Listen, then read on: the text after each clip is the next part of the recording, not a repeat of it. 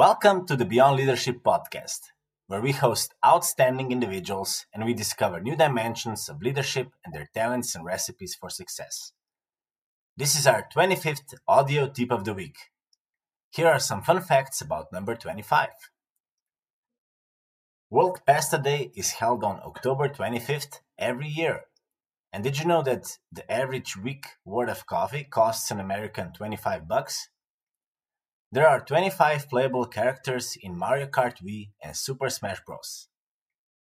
And manganese has an atomic number of 25.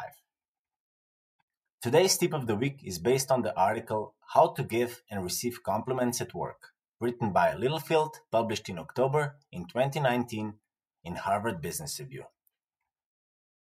Whether you're a manager or individual contributor, giving and receiving compliments plays a critical role in building and maintaining relationships at work. When done well, a compliment is one of the most powerful ways to let someone know that we value and appreciate them. Yet these seemingly positive interactions can be surprisingly tricky to navigate for both giver and receiver alike.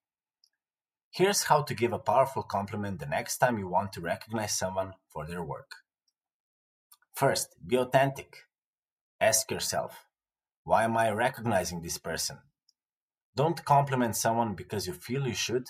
Compliment them because you feel compelled to let them know the impact you and others.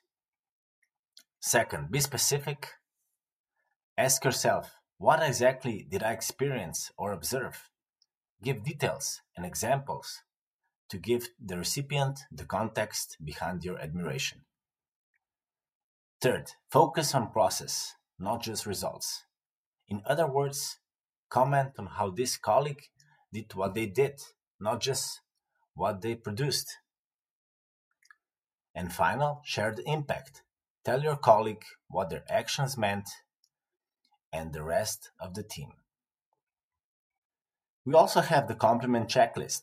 The next time you feel compelled to give a compliment, before you share, pause for a minute and answer the following questions Authentic. Why am I recognizing this person? Specific. What did I experience or observe? Process. What did I take from them to do what they did? Impact. How did what they do impact me or the team? Over time, answering these questions will become second nature as you begin to master the art of giving and receiving powerful compliments. You can begin to practice immediately. How many compliments do you give and how many do you get? This was this week's tip of the week. Make sure to subscribe and follow us on all podcast channels like Spotify, Apple, Google, Castbox, and also follow us on YouTube, LinkedIn, Instagram, and Facebook. And we also have a new website, beyondleadership.si. Till next time.